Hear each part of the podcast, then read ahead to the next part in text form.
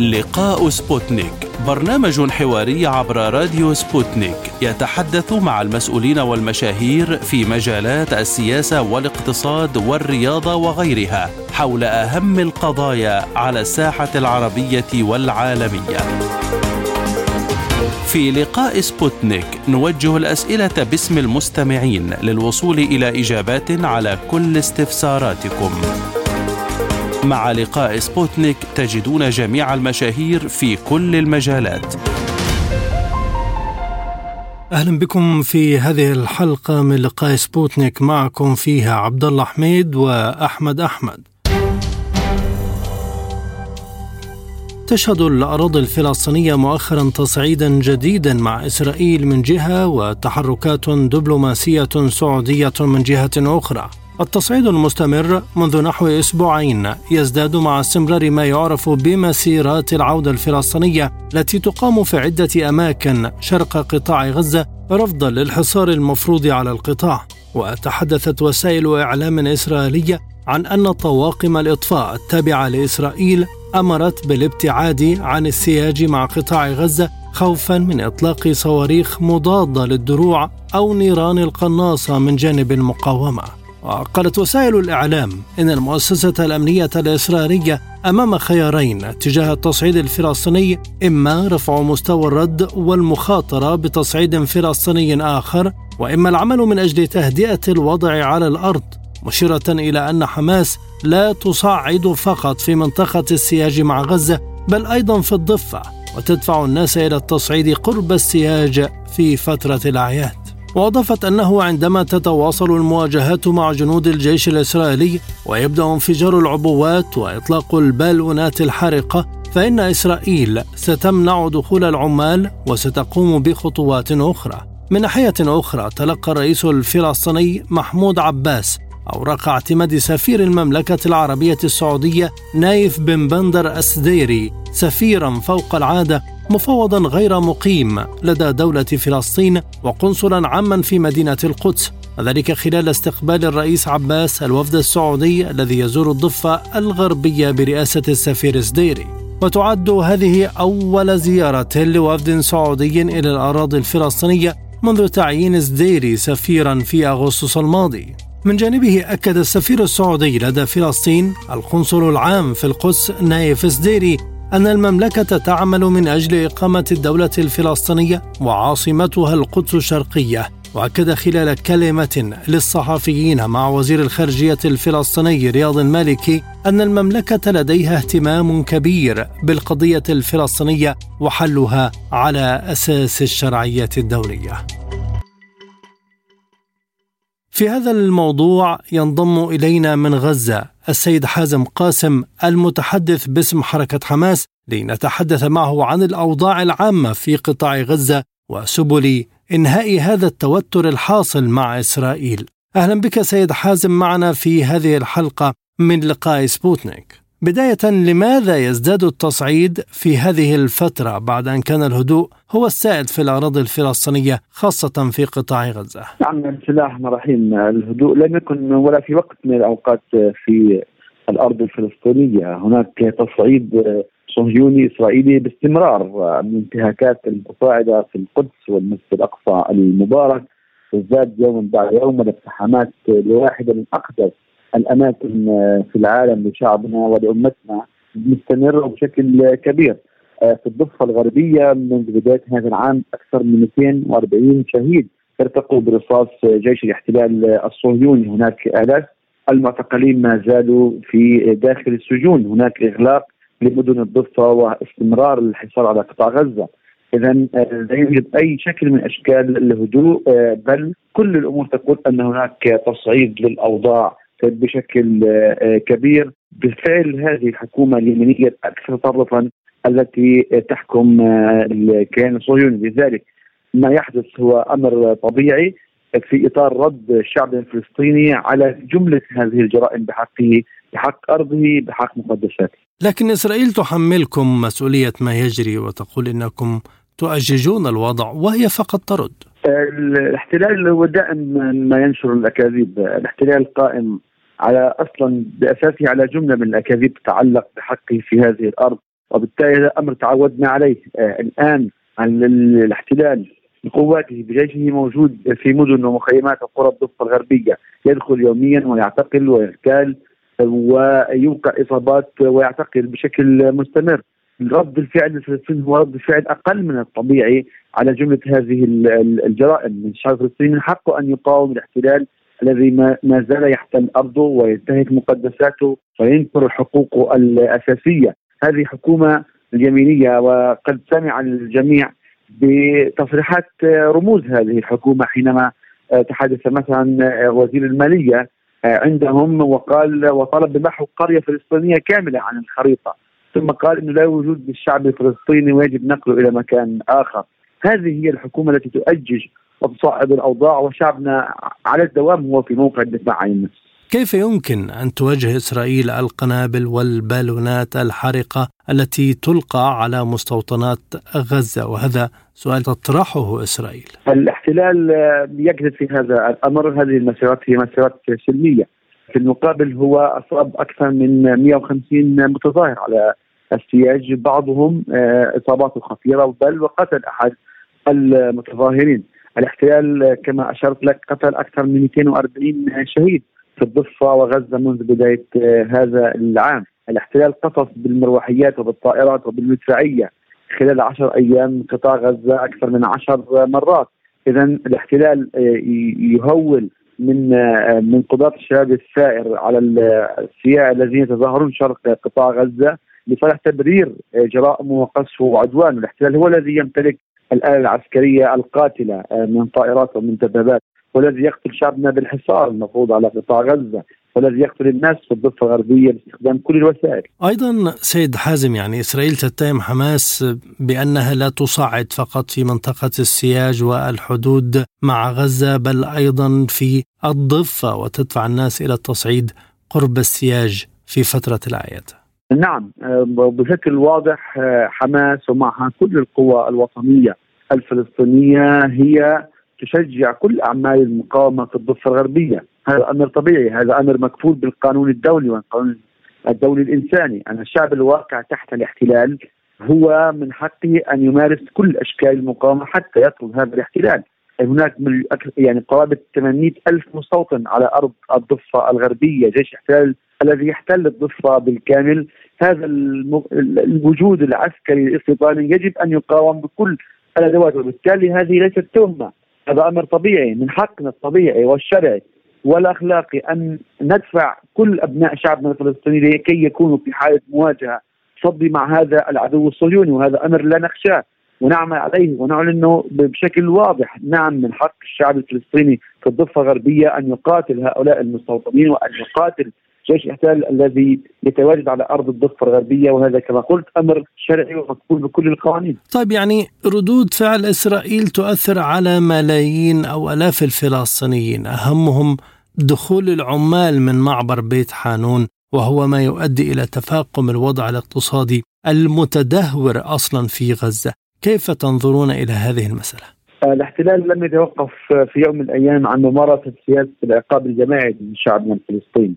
الاحتلال الذي يهدم منازل الأسرى مثلا في سجون الاحتلال. هذه السياسة النازية بامتياز هو يدمن على سياسة العقاب الجماعي ضد شعبنا الفلسطيني يريد أن يضغط على الشعب من خلال منعه من أن يصل إلى أماكن عمله. وهذه جريمة إضافية تضاف إلى جرائم القتل والاغتيال وجريمة الاحتلال الذي الذي هي الجريمة الأساسية. سياسه الضغط عبر المنع الاقتصادي والحصار لن تنجح لأنها جربت قبل ذلك وفشل الاحتلال في أن يحصل من شعبنا على أي موقف سياسي جراء هذا السلوك، الشعب الفلسطيني وخاصة اهلنا في قطاع غزة من حقهم أن يحصلوا على العيش الكريم وأن يصلوا إلى أماكن عملهم وأن يدخلوا ويخرجوا من قطاع غزة. هذا حق طبيعي. الاحتلال بمنعه هو يرتكب جريمة جديدة تضاف إلى سلسلة جرائمه وكما قلنا وأنا اكد في كل مرة أنه لن يحصل منا على أي موقف سياسي جراء هذا السلوك النازي المتعلق بالعقاب الجماعي لشعبنا الفلسطيني. الإعلام العبري قال إن أكثر من 200 إنذار استخباري صدروا خشية عمليات فلسطينية وأن الإنذارات ستستمر طوال فترة الأعياد، هل هذا مقصود؟ هم جعلوا مثل هذه الأخبار حتى يبرروا اولا تجديد حصارهم على الضفة وغزة خلال فترة الأعياد. في كل الدنيا الأعياد التي يمر بها الناس هي مناسبة للفرح والسعادة والاحتفال. إلا الأعياد عند الكيان الصهيوني هي مناسبة للقتل والإجرام وتشديد الحصار والإغلاق على شعبنا الفلسطيني. أين يوجد دولة في العالم أو كيان في كل الأرض يغلق على شعب آخر ليحتفل هو بأعياده، هذا هذا أمر، ثانيا الأعياد اليهودية دائما تكون مصحوبة بتصعيد الانتهاكات بحق المسجد الأقصى المبارك واقتحامات وبالتالي تواجه هذا كله برد فعل من الشباب السائر في الضفة الغربية أو قطاع غزة أو القدس وهو, وهو يتحسب لذلك. بالتالي هذه الانذارات أو هذا الحديث نعم هو الاحتلال من, من يتسبب به بالأساس نتيجة عدوانه على مقدساتنا والمسجد الأقصى كما هو معروف هو أحد مكونات العقيدة الدينية التي يتحلى بها شعبنا الفلسطيني بل والامه الإسلامية. إلى أي مدى سوف تتدحرج الأوضاع في غزة نحو التصعيد المباشر في ظل استهداف مواقع للمقاومة في الأيام الأخيرة؟ هناك حالة من التصعيد في كل الأرض الفلسطينية. في القدس هناك تصعيد كبير وما نتابع ونشاهده على الشاشات من اقتحامات للمستوطنين والاعتداء على أهلنا في القدس هناك والحرب على وجودهم ومحاولة طردهم من أرضهم في مدينة القدس المحتلة في الضفة الغربية هذا القتل الذي لا يتوقف. وأيضا في غزة استمرار الحصار واستمرار القصف كل هذا الأمر يؤشر إلى أن هذه الحكومة تذهب بالأوضاع نحو زيادة التوتر وصولا إلى مرحلة الانفجار وبالتالي تكرار هذا العدوان وبهذا الشكل بالتأكيد يفتح الباب واسعا أمام حالة جديدة من التصعيد. في المقابل الفصائل الفلسطينية هل هي جاهزة لأي تصعيد خلال الفترة المقبلة؟ الفصائل الفلسطينية عندها جهوزيه دائمة للدفاع عن شعبها الفلسطيني والدفاع عن نفسها والدفاع عن مقدساتها. العدوان الصهيوني لم يتوقف في أي وقت من الأوقات والتهديد متواصل على شعبنا منذ أشهر طويلة. وبالتالي نعم المقاومة متحسبة ومتحفزة لأي عدوان يمكن أن يمارس الاحتلال على أهلنا سواء في الضفة أو القدس أو حتى في قطاع غزة. والاحتلال يتحمل المسؤولية الكاملة في حال أقدم على أي جريمة تتحرك من أجلها المقاومة. المقاومة هي دائما في إطار الدفاع عن النفس دفاعها عن شعبها الفلسطيني وهو أيضا حق مشروع. وبالتالي الاحتلال سيتفاجأ في حال ارتكب حماقة ضد مقدساتنا أو شعبنا. من رد فعل المقاومة هنا في قطاع غزة وفي الضفة الغربية حركة حماس ليست وحدها واتفقت مع حركة الجهاد الإسلامي والجبهة الشعبية على زيادة التصعيد الأمني خلال اجتماع عقد في بيروت ماذا عن حركة فتح إذن؟ هذا الاجتماع هو بين الحركات الثلاثة من أجل تعزيز حالة التنسيق والتشاور في كل ما يتعلق بالقضية الفلسطينية ومن ضمنها تصعيد المقاومة في الضفة الغربية. الإخوة في حركة فتح آه، في الميدان يقاتل أبناء الحركات الثلاثة إلى جانب مقاتلين من حركة فتح. لكن تعرف أن قيادة الحركة هي نفسها قيادة السلطة الملتزمة بالتنسيق الأمني وملتزمة باتفاقات مع الاحتلال. لكن آه، في الميدان وعمليا نحن آه، في الحركات الثلاثة شركاء مع آه، حركة فتح ورفقاء في السلاح. وهناك مقاتلين من القسام ومن سرايا القدس ويحاربون جنبا إلى جنب مع أبناء كتاب شهداء الأقصى التابعة لحركة فتح. ونتمنى بالفعل أن تنخرط السلطة في هذا المسار الذي يشكل جانبية إن لم يكن كل الشعب الفلسطيني وهو مسار التصدي للاحتلال ومقاومته ومواجهته في الميدان. طيب سيد حازم يعني وسائل إعلام إسرائيلية قالت آه، إن آه، الاجتماع الذي عقد في بيروت ووصفته باجتماع القمة وجمع قادة المقاومة الفلسطينية يشير آه، النية في استمرار التصعيد إذا ما الهدف من مجمل هذه الاجتماعات في هذا التوقيت؟ ليس استمرار التصعيد بل استمرار التصعيد الفعلي المقاوم ضد الاحتلال وضد سياساته خاصة في القدس والمسجد الأقصى والضفة الغربية. الأمر لا يحتاج إلى رسم أهداف، الأمر واضح هذا حق طبيعي، نحن سنقاتل الاحتلال على كل الأحوال، سنستمر بالمقاومة بما نستطيع من أدوات طالما أن هناك احتلال للأرض الفلسطينية. هذا حق أساسي لا يحتاج لا لتبرير ولا يحتاج لتحديد أهدافه، الهدف المركزي والأساسي وطرد هذا الاحتلال على الأرض الفلسطينية وأن يحصل الشعب الفلسطيني على استقلاله وحقه في تقرير مصيره ان يقيم دولته الفلسطينية. وعاصمتها القدس وهذا أمر أيضا مرة أخرى وفق كل القوانين والقرارات الدولية، بالتالي هذا حق طبيعي وهذا حق مشروع. سيتواصل على كل الأحوال وفي كل الأوقات. برأيك هل التصعيد القادم سواء كان قريبا أو بعيدا ربما يكون مختلفا في شكله عن الحروب السابقة خاصة ما يتعلق بتوسع المواجهة؟ يعني في كل حرب بالفعل كان هناك شكل جديد وكان هناك سياقات مختلفة وأدوات جديدة. الاحتلال من جانبه يصعد في استخدام آلة القتل والموت ويجرب أسلحة جديدة وقنابل جديدة على شعبنا الفلسطيني كما حدث في كل المعارك وخاصة في آخر عدوان على غزة في مايو 2021 والمقاومة من جانبها تحاول دائما أن تطور من أدواتها بالرغم مما تعيشه من حالة حصار وتضييق وقلة إن لم يكن ندرة في كل الأدوات القتالية وما تستخدم وهي تصنع محليا لكنها تحاول أن تضيف إلى هذه القدرة العسكرية المتواضعة مزيد من الأدوات. وبالتالي نعم في أي تصعيد قادم متوقع أن يكون الأمر مختلفا أكثر قوة وأكثر آه، يعني توسعا وما سيكون مختلفا في آه، المرة القادمة. ليس فقط استخدام أدوات جديدة ولكن قدرة شعبنا في كل الساحات على أن يتحرك آه، مرة واحدة ضد هذا الاحتلال. نطبق عمليا تكامل السالم النضالي في كل ساحات الوجود الفلسطيني في غزة وفي الضفة وفي القدس وحتى في الداخل المحتل مع تصاعد حالة الرفض الموجودة هناك وأيضا تشتيات على جبهات أخرى يمكن أن تكون هناك مواجهة. وبالتالي ما سيكون جديدا في أي مرة قادمة هو توسع المقاومة في ساحات وجبهات متعددة وقدرتنا في تلك اللحظة على إرباك الاحتلال وكل ترتيباته وأن نفاجئه مرة أخرى في قدرتنا على الصمود والتصدي لعدوانه. بالنسبة للقدرات العسكرية للمقاومة التي أشرتم إليها، مؤخرا جرت مناورة عسكرية جمعت فصائل الغرفة المشتركة للمقاومة، هل هذه المناورة بعثت برسائل معينة لإسرائيل؟ آه نعم آه بالفعل هناك آه دائما خطوات تنسيقية وعمل مشترك هنا في قطاع غزة بين الأجنحة العسكرية تحت إطار الغرفة المشتركة لعمليات المقاومة والتي كانت لها مناورة آه، هي المرة الرابعة التي تجريها قبل تقريبا شهر الرسالة المركزية أن المقاومة متحفزة حقيقة بالدفاع عن شعبها الفلسطيني في ظل تهديد الاحتلال بتصعيد العدوان سواء على أهلنا في غزة أو في الضفة أو حتى ضد المسجد الأقصى المبارك وأن العمل الموجود هو عمل موحد وأنه لن ينجح الاحتلال في أن يفرق بين المكون المقاوم هنا في قطاع غزة وأن الناس هنا آه، تشكل حاضنة شعبية لهذا الفعل المقاوم آه، رساله وحدة ورسالة جاهزية. وهذا هو الأمر المركزي وهذه رساله وسط الاحتلال هو بشكل واضح من خلال هذه المناورات وهذه المواقف من قوى المقاومة هنا في قطاع غزة. سيد حازم قاسم المتحدث باسم حركة حماس، هل يمكن الوصول إلى حالة من الهدوء خلال الساعات المقبلة مع نهاية الأعياد اليهودية؟ لا يمكن الوصول لحاله هدوء طالما أن هناك عدوان متصاعد على شعبنا الفلسطيني. هناك عدوان متصاعد على المسجد الأقصى المبارك وبشكل يومي من الاقتحامات. هناك استمرار للاحتلال في الضفة الغربية وبشكل يومي يقتل ويغتال ويعتقل.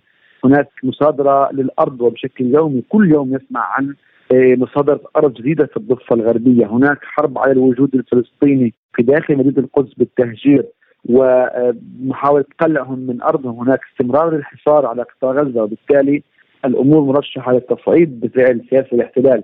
لا يمكن الحديث عن هدوء في ظل كل هذا العدوان في ظل حكومة يمينية آه، عنصرية بهذا الشكل. في ظل عدوان مبيت على الأسرى وبشكل مستمر يقوم به آه، ما يسمى بوزير الأمن القومي بالجزير في ظل أن سموتريتش هو الذي يدير الأمر في الضفة الغربية ولديه هدف واضح بابتلاع وحسم كل الضفة الغربية، لا الأمور بالفعل متجهة إلى حالة من التصعيد بفعل سياسات الاحتلال وليس الهدوء لكن هناك جهود مستمرة من جانب الوسطاء والأمم المتحدة لتخفيف التوتر الحاصل. لماذا لم تنجح؟ لأن الاحتلال بيواصل عدوانه ويواصل حصاره. باختصار الذي يريد أن ينجح في فرض الهدوء أو استعادة الهدوء سميها ما شئت عليه أن يذهب إلى الفاعل الأساسي الذي يفجر الأوضاع كل في كل مرة وهو الاحتلال الصهيوني الاحتلال الذي يحاصر قطاع غزة بهذه الطريقة. الاحتلال الذي يعتدي على الضفة الغربية الذي يعتدي على القدس. وبالتالي طالما أن الاحتلال يتصرف بهذا بهذه الاريا يعني بهذه العدوانية ومدعوم من من الولايات المتحدة على وجه الخصوص وهناك للأسف بعض مسارات التطبيع وبالتالي الاحتلال آه، بيتشجع على تصعيد العدوان وليس وقفه. وهذا يعني آه، أن الاحتلال يأخذ قوة دافعه لتصعيد العدوان ولا يوجد أي ضغط عليه لوقف هذا العدوان. وبالتالي تفشل كل هذه الجهود أمام النية العدوانية المستمرة عند الاحتلال. المنسق الاممي لعملية السلام في الشرق الأوسط تورمونسلاند يزور غزة في هذه الأثناء، ماذا يحمل في جعبته؟ هو عادة يعني بيحمل يعني رسائل تهدئة لكن لكن يجب أن عليه أن يتحرك بالفعل على الجانب الذي فجر الأوضاع ويزيد حالة التوتر كما قلنا وهو الاحتلال. على الأمم المتحدة أن يكون لها موقف حاسم وواضح تجاه استمرار احتلال الأرض الفلسطينية تجاه استمرار العدوان على المقدسات وهو انتهاك للقانون والقرارات الدولية تجاه استمرار حصار قطاع غزة بهذه الطريقة أيضا المخالفه للقوانين والقرارات الدولية. حينما يكون هناك موقف جاد وقوي من الأمم المتحدة على الاحتلال يمكن الحديث عن نجاح يعني نجاح المنسق في وسطته أما بهذه الطريقة الاحتلال سيواصل عدوانه وسيواصل حصاره لقطاع غزة وسيواصل انتهاكاته في القدس والأقصى. هل بمقدور الأمم المتحدة الضغط على كل الأطراف للتهدئة برأيك؟ ما أدواتها؟ المطلوب هو تحرك جاد وفعلي، يعني الأمم المتحدة منظمة آه، كبيرة ولديها سلطات ولديها صلاحيات ولديها الإمكانية أن تعلن موقفا واضحا بأن تكشف حقيقة الأوضاع آه، وسلوك الحكومة الصهيونية. يعني ماذا على الأمين العام للأمم المتحدة لو اتخذ موقفا واضحا وحاسما من استمرار الحصار على قطاع غزة وتحدث بشكل مباشر. مجرد موقف آه، هو لا يعلن عنه وبالتالي آه، يعني لا يقوم بالدور المطلوب منه آه، حتى لو لم يمتلك أدوات ضغط وأيضا الأمم المتحدة تحركت في أكثر من موقع ما كان لديها قدرة على الضغط حينما أرادت ذلك بالتالي يظل مطلوب منها هذا الموقف ويظل مطلوب من منها موقفا حاسما تجاه قضايا شعبنا العادلة المنصوص عليها في كل القوانين والقرارات الأممية. اذا ما هو المطلوب فلسطينيا الآن؟ هل المطلوب عمل دبلوماسي أم زيادة عمل شعبي في ظل آه، التوترات القائمة على حدود قطاع غزة؟ المطلوب آه، تبني مفهوم المقاومة الشاملة وخطة وطنية جامعة وهذا ما لدينا فيه في كل مرة وفي كل اللقاءات وهذا ما طلبناه في اللقاء الأخير للأمناء العامية القائد الفلسطينية الذي عقد في مدينة العلمين آه، في جمهورية مصر العربية. المطلوب أن نتبنى مفهوما شاملا للمقاومة. المقاومة العسكرية لها دور ودور مهم في الضغط على الاحتلال وهي مقاومة مشروعة آه، على كل الأحوال. هناك جهد دبلوماسي يجب أن تقوم به السلطة بأن تحمل موقف الفلسطيني المجمع عليه.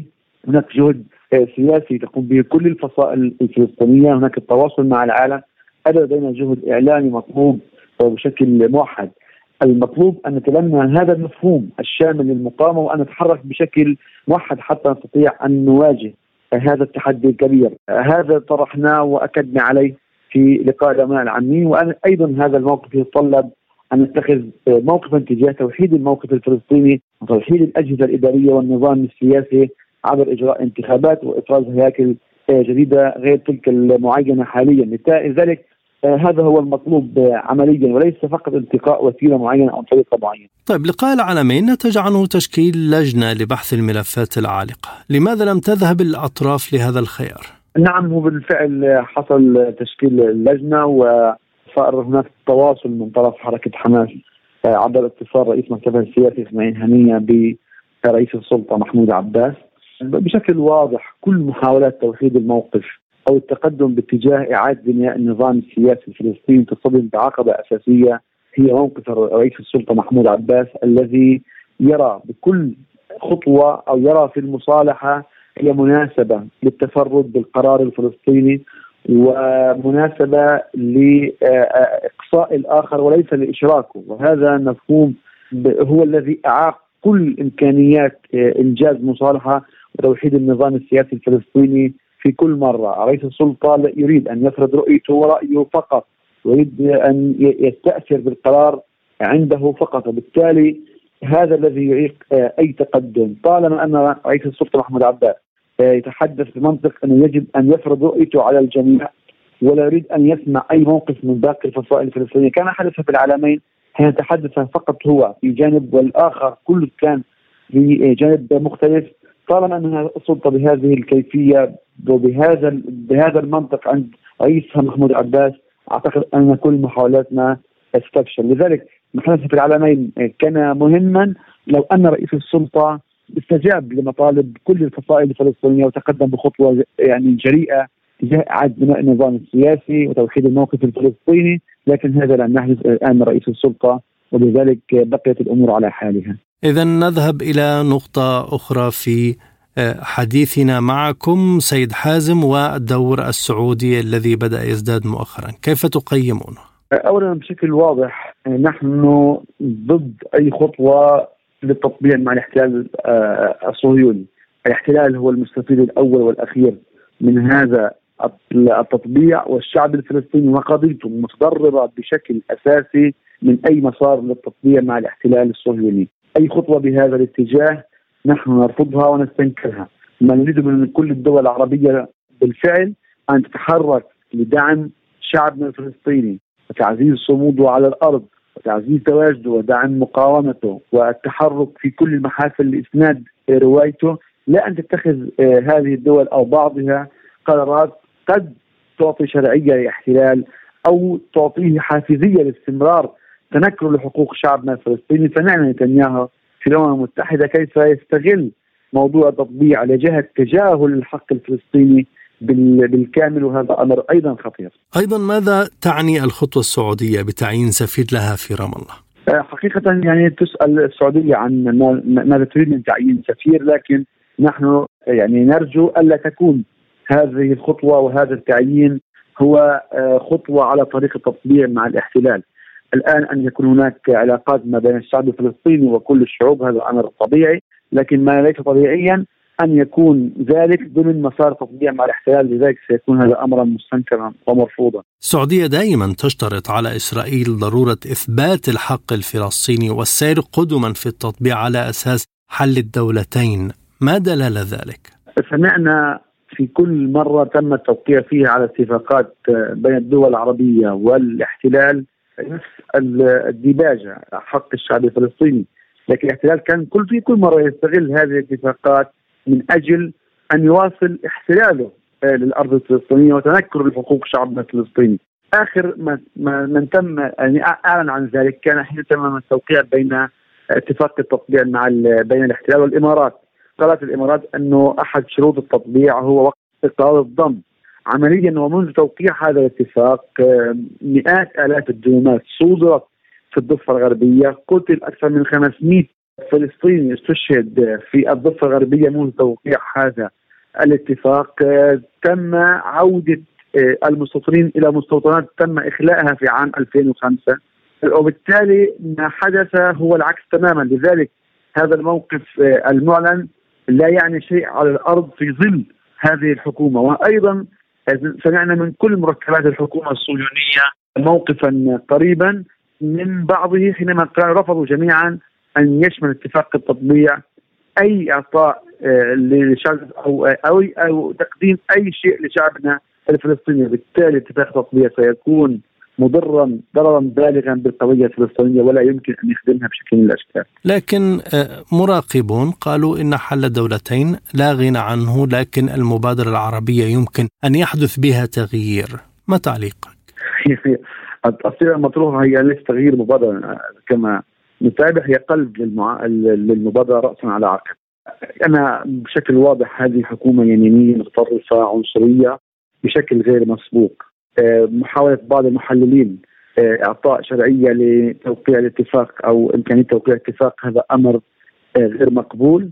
الاتفاق مضر بالوضع الفلسطيني، الاحتلال استطاع في كل مرة أن يتملص من التزاماته تجاه الجميع أعتقد إنه سيكون توقيع اتفاق التطبيع مع السعودية امرا بالغ الضرر بالقضية الفلسطينية نتيجة الوزن الكبير للمملكة السعودية في النظام العربي ومكانتها الاعتبارية والدينية لذلك نحن كنا دائما ضد هذا المسار وهذه المحاولات يبدو هذه محاولات لتبرير هذا المسار الخاطئ. أخيرا ما هو الشكل المطروح حاليا للمبادرة العربية؟ نحن لم يصلنا شيء بهذا الخصوص، المبادرة العربية أعلنت قبل يعني تقريبا 20 عام أو أكثر وبعد إعلانها بأيام كانت الدبابات الصهيونية تحاصر مقر الشهيد الراحل ياسر عرفات وتهدم المقاطعة على رأسه كرد عملي على هذه المبادرة. كنا دائما نقول أننا مع أي جهد يمكن أن يرجع الحق الفلسطيني،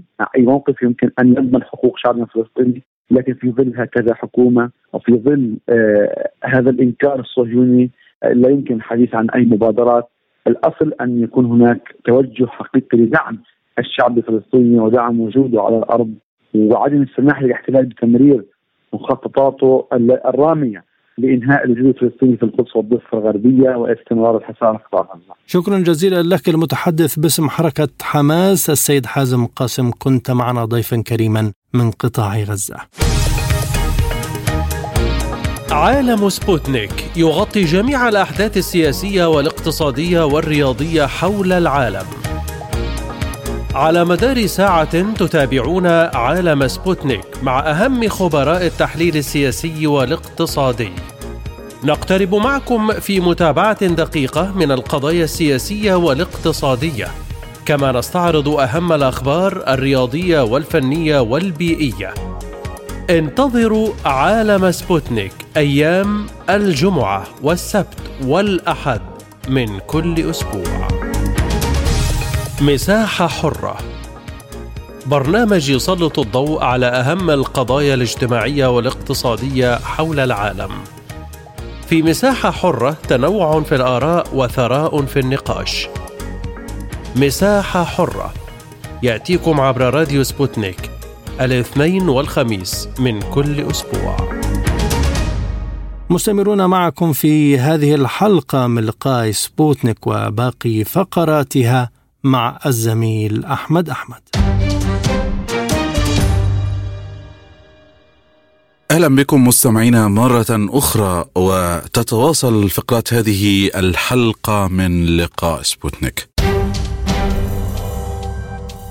بالتزامن مع الدعم السعودي للقضية الفلسطينية يزور وزير السياحة الإسرائيلي حاييم كاتس الرياض في أول زيارة رسمية لوزير إسرائيلي إلى المملكة العربية السعودية تزامنا مع تقارير حول محادثات لتطبيع العلاقات بين البلدين. يترأس كاتس الوفد الإسرائيلي إلى مؤتمر منظمة الأمم المتحدة للسياحة المنعقد في العاصمة الرياض وأفاد حساب وزارة الخارجية الإسرائيلية بأن كاتس سيشارك في العديد من الفعاليات بمناسبة اليوم العالمي للسياحة مع لقائه نظراء له من دول مختلفة من بينها دول عربية وشرق أوسطية. ومتابعة لمحور هذه الحلقة حول التصعيد بين الإسرائيليين والفلسطينيين والدور السعودي بين التطبيع والدعم لقيام دولة فلسطينية نتحدث إلى الدكتور مصطفى البرغوثي الأمين العام لحركة المبادرة الوطنية الفلسطينية. بداية أهلا بك دكتور. لماذا يزداد التصعيد في هذه الفترة بعد أن كان الهدوء هو السائد في الأراضي الفلسطينية؟ لأن الاحتلال يريد أن يضم ويهود الضفة الغربية بكاملها ويحاول أن يكسر أي مقاومة لمشروعه في الضم والتهويد ولأن الحكومة الإسرائيلية هي الأكثر تطرفا في تاريخ المنطقة وهي حكومة فاشية هدفها المركزي توسيع الاستيطان بهدف القضاء على أي إمكانية لوجود دولة فلسطينية مستقلة.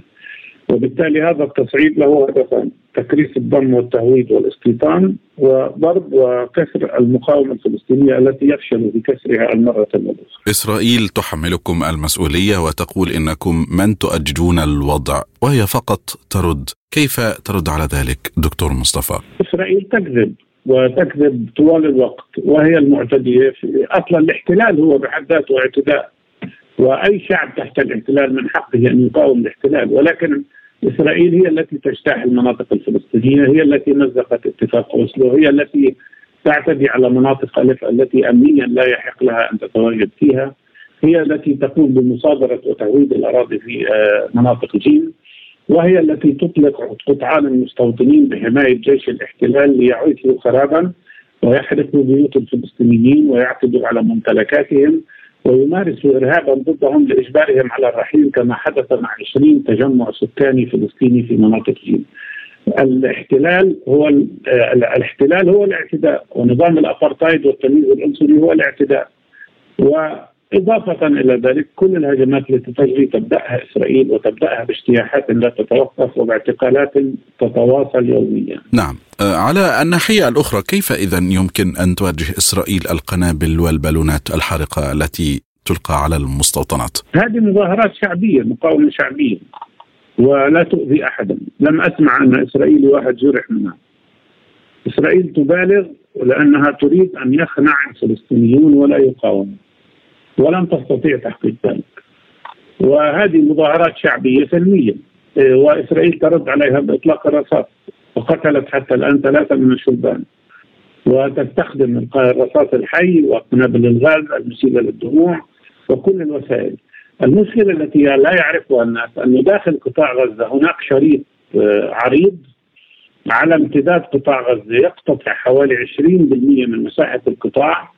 ممنوع على الفلسطينيين داخل قطاع غزة أن يتواجدوا فيه وعندما يتواجدوا فيه يطلق عليهم الاحتلال الرصاص والغاز بالتالي العدوان قائم بحكم أن إسرائيل تفرض منطقة محظورة داخل قطاع غزة آه، وليس في إطار المناطق الإسرائيلية. إسرائيل تتهم أيضا الفصائل الفلسطينية بأنها لا تصعد فقط في منطقة السياج مع غزة بل أيضا في الضفة وتدفع الناس إلى التصعيد قرب السياج في فترة الأعياد.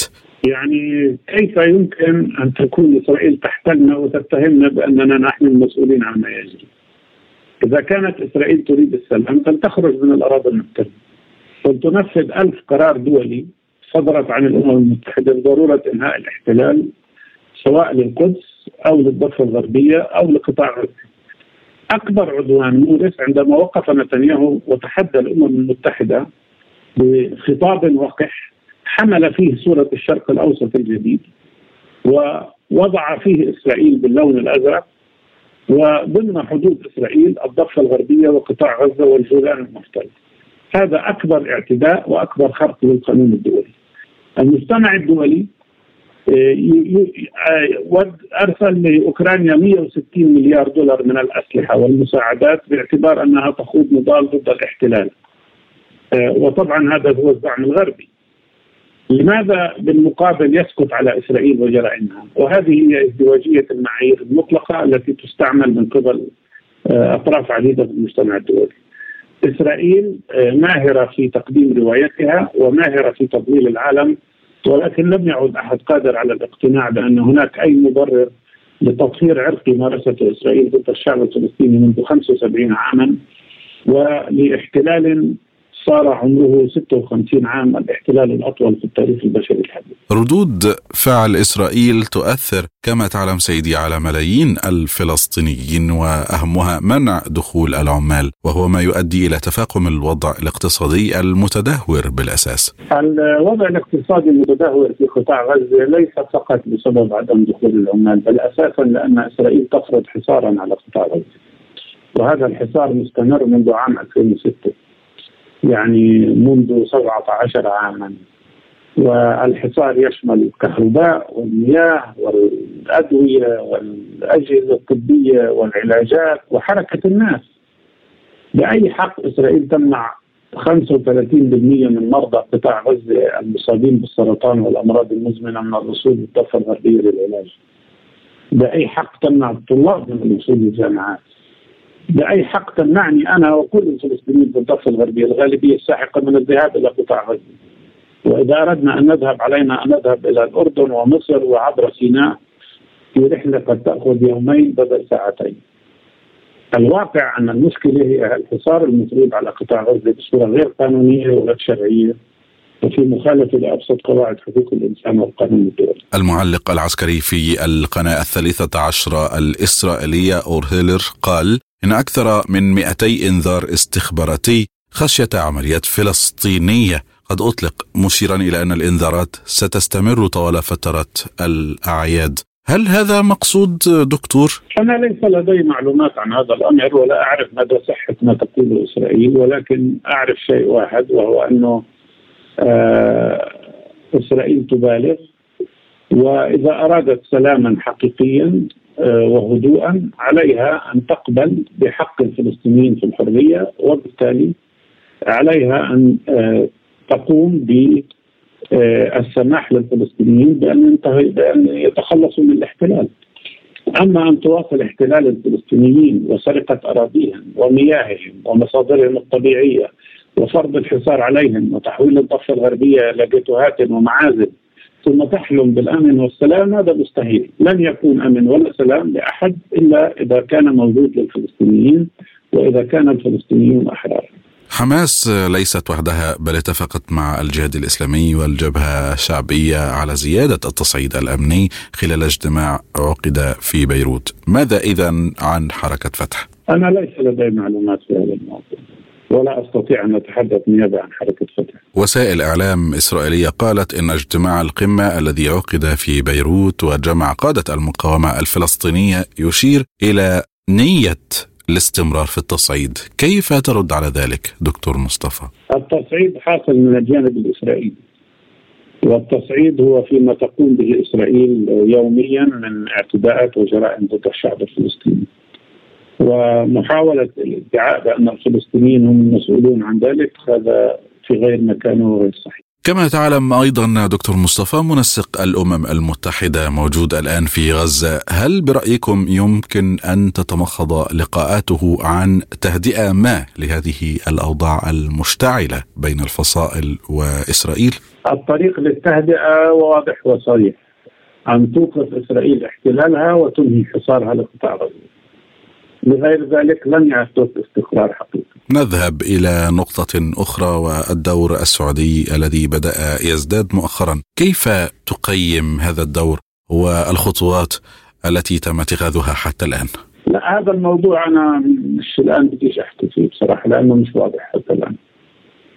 نحن لدينا جملة واحدة فقط وأن نحن نأمل أن تتمسك السعودية بما قالت وهو أن الحقوق الفلسطينية هي شرط لأي شيء وأنها تتمسك بالمبادرة العربية التي تقول لا تطبيع مع إسرائيل قبل إنهاء الاحتلال وإقامة دولة فلسطينية حرة ومستقلة.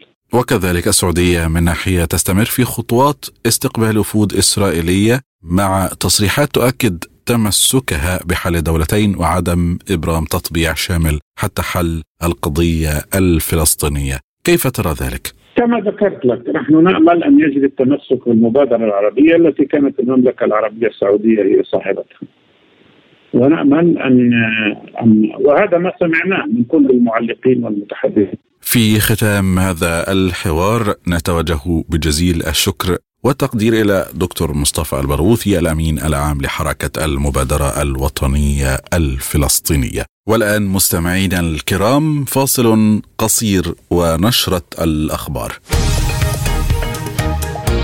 عالم سبوتنيك يغطي جميع الأحداث السياسية والاقتصادية والرياضية حول العالم. على مدار الساعة تتابعون عالم سبوتنيك مع أهم خبراء التحليل السياسي والاقتصادي. نقترب معكم في متابعة دقيقة من القضايا السياسية والاقتصادية.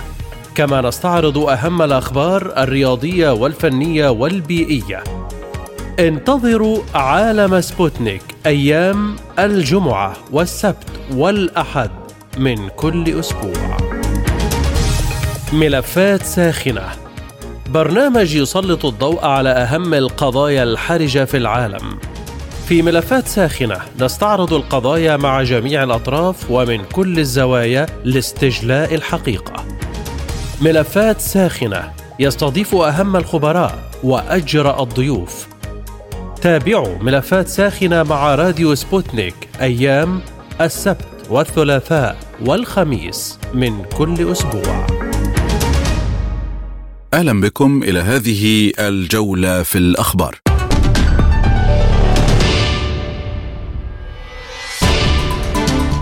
صرح مدير المركز الصحفي لمجموعة قوات الغرب الروسية سيرجي زيبينسكي بأن المدفعية الروسية دمرت نقطة إمداد الذخيرة للقوات الأوكرانية على محور كوبيانسك. وقال زبنسكي في تصريح خلال سجال مدفعي دمرت مدفعية مجموعة الغرب منصة مدفعية ذاتية الدفع من طراز 2 إس 1 جفوزدكا ونقطة إمداد بذخيرة في منطقتي بيشنوي ونوفوغوروفكا وأشار زبنسكي إلى أن إجمالي خسائر العدو في هذا القطاع من الجبهة بلغ حوالي فصيلتين من القوة البشرية وشاحنتين صغيرتين وطائرة بدون طيار ومحطة اتصالات عبر الأقمار الاصطناعية ستارلينك. كشفت وزارة الخارجية الروسية عن توسيع موسكو قائمة عقوباتها ضد بريطانيا لتشمل 23 شخصية جديدة. وقالت وزارة الخارجية الروسية في بيان على موقعها الرسمي إن محاولات لندن لزيادة ضغط العقوبات على موسكو ستتلقى حتما ردا حاسما. وأضاف البيان فيما يتعلق بتنفيذ لندن لمسار مناهض لروسيا والذي يتم في إطاره استخدام آلية العقوبات الشخصية بشكل فعال وتقديم الدعم الشامل لنظام النازيين الجدد في كييف تم اتخاذ قرار بتوسيع قائمة الحظر من دخول روسيا. وتضم القائمة ممثلين عن المؤسسة العسكرية السياسية والهيئات الصحفية والمجتمع العلمي في بريطانيا. ويشار إلى أن قائمة المواطنين البريطانيين الممنوعين الآن من دخول روسيا تشمل على وجه الخصوص رئيس أركان الدفاع في القوات المسلحة البريطانية أنتوني رادكين الذي يشرف على تدريب عناصر القوات المسلحة الأوكرانية على الأراضي البريطانية. كما تضم رئيسة لجنة الاستخبارات المشتركة التابعة للحكومة البريطانية مادلين أليساندري وكذلك رئيس مجلس إدارة شركة الدفاع البريطانية BAE Systems كريسيدا هوك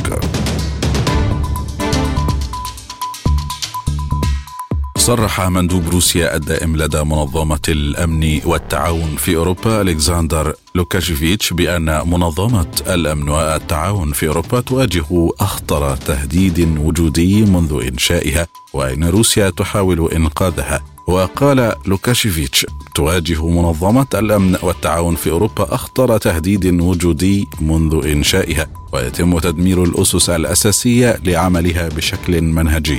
وأضاف دبلوماسي أنه في هذه الظروف تحاول روسيا إنقاذ منظمة الأمن والتعاون في أوروبا وليس تدميرها.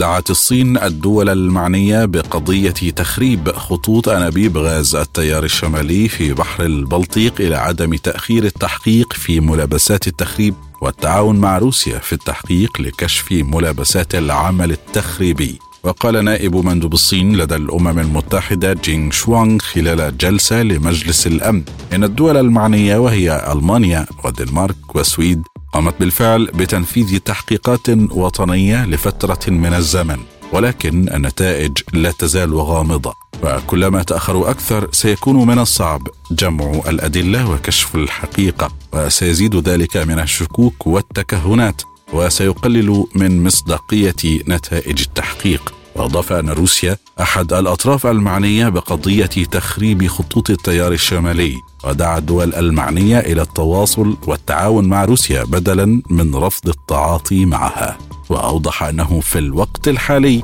لا يوجد تقرير موثوق به يتعلق بنتائج تحقيق الدول الثلاثة. ووقعت انفجارات في السادس والعشرين من سبتمبر أيلول من عام 2022 على خطي أنابيب لتصدير الغاز الروسي إلى أوروبا. التيار الشمالي واحد والتيار الشمالي اثنين. ولم تستبعد ألمانيا والدنمارك والسويد وقوع أعمال تخريبية مستهدفة.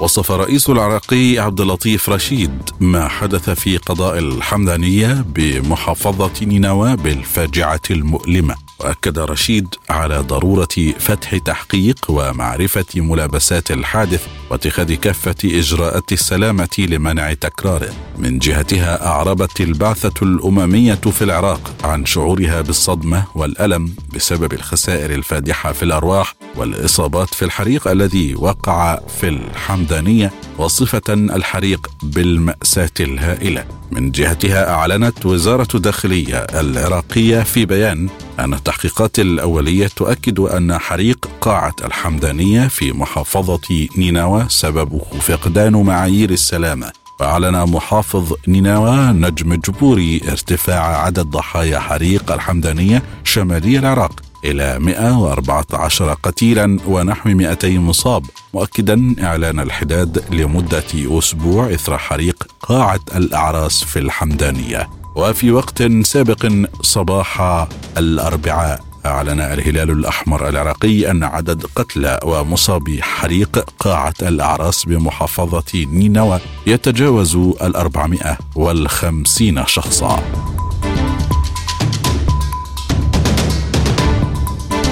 أعلن الجيش الإسرائيلي اعتقال أحد عشر فلسطينيا خلال سلسلة عمليات في الضفة الغربية المحتلة وقال الجيش في بيان إنه نفذ العمليات بالتعاون مع جهاز الأمن العام الشباك موضحا أن الاعتقالات جرت في مدن نابلس وقلقيلية وطوباس وقرى بيت داجو وبيت أمر ومخيم الدهيشة. وأضاف أنه تعرض لإطلاق نار وتفجير عبوات ناسفة خلال عمليته في مدينة قلقيلية وأنه عثر على أسلحة ومعدات عسكرية خلال عمليته في طوباس.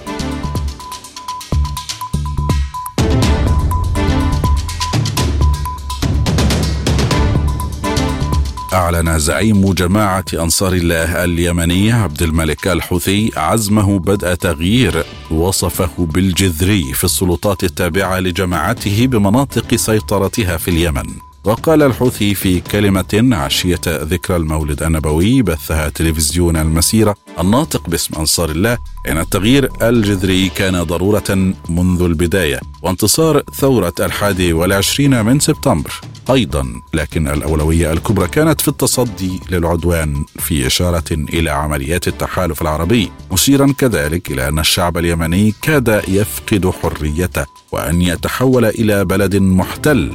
خاضع للسيطرة الخارجية كليا. وذكر زعيم أنصار الله أن مسألة التغيير الجذري تعود لأسباب قديمة وأن الخلل قديم يعود للعمق مشيرا إلى أن هناك الكثير من الأنظمة والقوانين واللوائح والمفاهيم السلبية المترسخة في الأداء الرسمي لمؤسسات الدولة. ورأى أنه لا ينبغي أن يستمر الحال في مؤسسات الدولة كما هو عليه.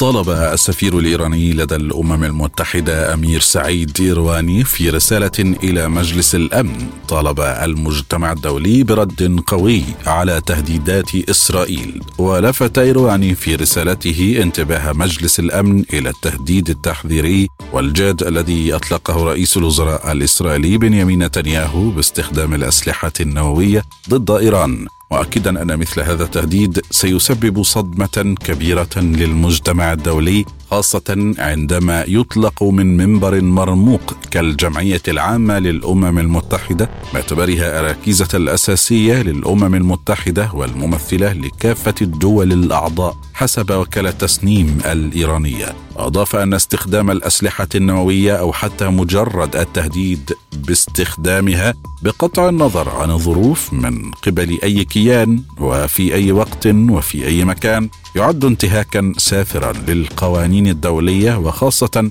المادة رقم اثنين والبند الرابع من ميثاق الأمم المتحدة.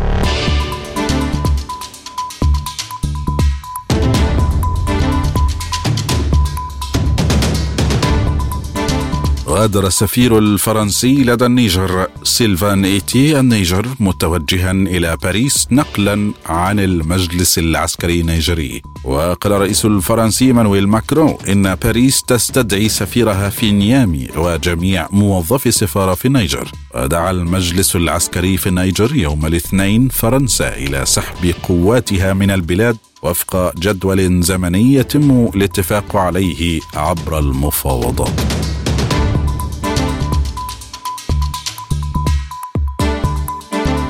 داهمت السلطات الألمانية عشرات المواقع في أنحاء البلاد بعد أن حظرت وزيرة الداخلية نانسي فيزر جماعة يمينية متطرفة بتهمة نشر الفكر النازي.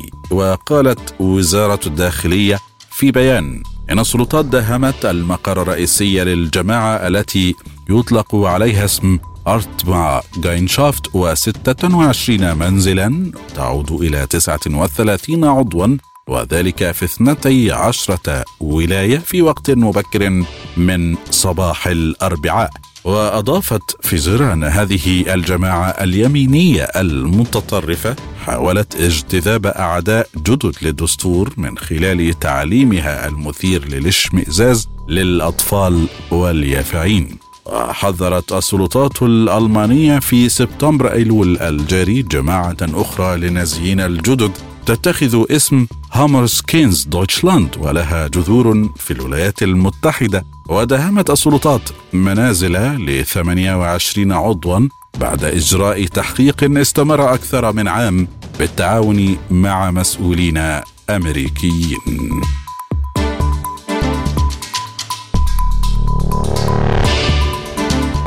ومن أخبار الاقتصاد أعلنت بورصة العملات المشفرة باينانس أنها أبرمت اتفاقية لبيع أعمالها وأنشطتها في روسيا بشكل كامل إلى شركة كوم إكس. وقالت البورصة في بيان نشرته على صفحتها في شبكة إكس تويتر سابقا لقد أبرمت باينانس اتفاقية لبيع أعمالها الروسية بالكامل إلى كوم إكس. وباينانس هي منصة لتداول عملات مشفرة مثل البيتكوين وإيثيريوم وتأسست المنصة في عام 2017 وتعتبر أكبر منصة لتداول العملات المشفرة حسب حجم التداول في العالم. وتقدم باينانس خدماتها لأكثر من 150 مليون مستخدم مسجل في أكثر من 180 دولة. وتتيح المنصة لتداول 350 عملة مشفرة بحسب الموقع الرسمي. للمنصة. وبعد فرض الغرب عقوبات واسعة على موسكو في العام الماضي 2022 قررت مجموعة من الشركات الغربية مغادرة السوق الروسية من جهتها أكدت موسكو أن الفراغ في السوق لن يستمر إلى الأبد. وستأخذ الشركات الوطنية ومن الدول الصديقة مكان الشركات التي غادرت وهو ما أكده الرئيس الروسي فلاديمير بوتين.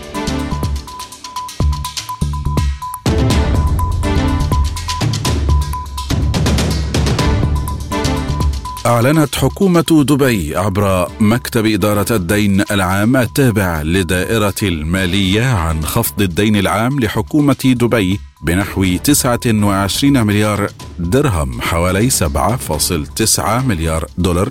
وذلك بحلول نهاية العام الجاري وقال مكتب إدارة الدين العام التابع لدائرة المالية في بيان إن هذا القرار والإنجاز يأتي تنفيذا لبرنامج استراتيجية استدامة الدين العام التي تهدف إلى إدارة المخاطر المالية الحكومية.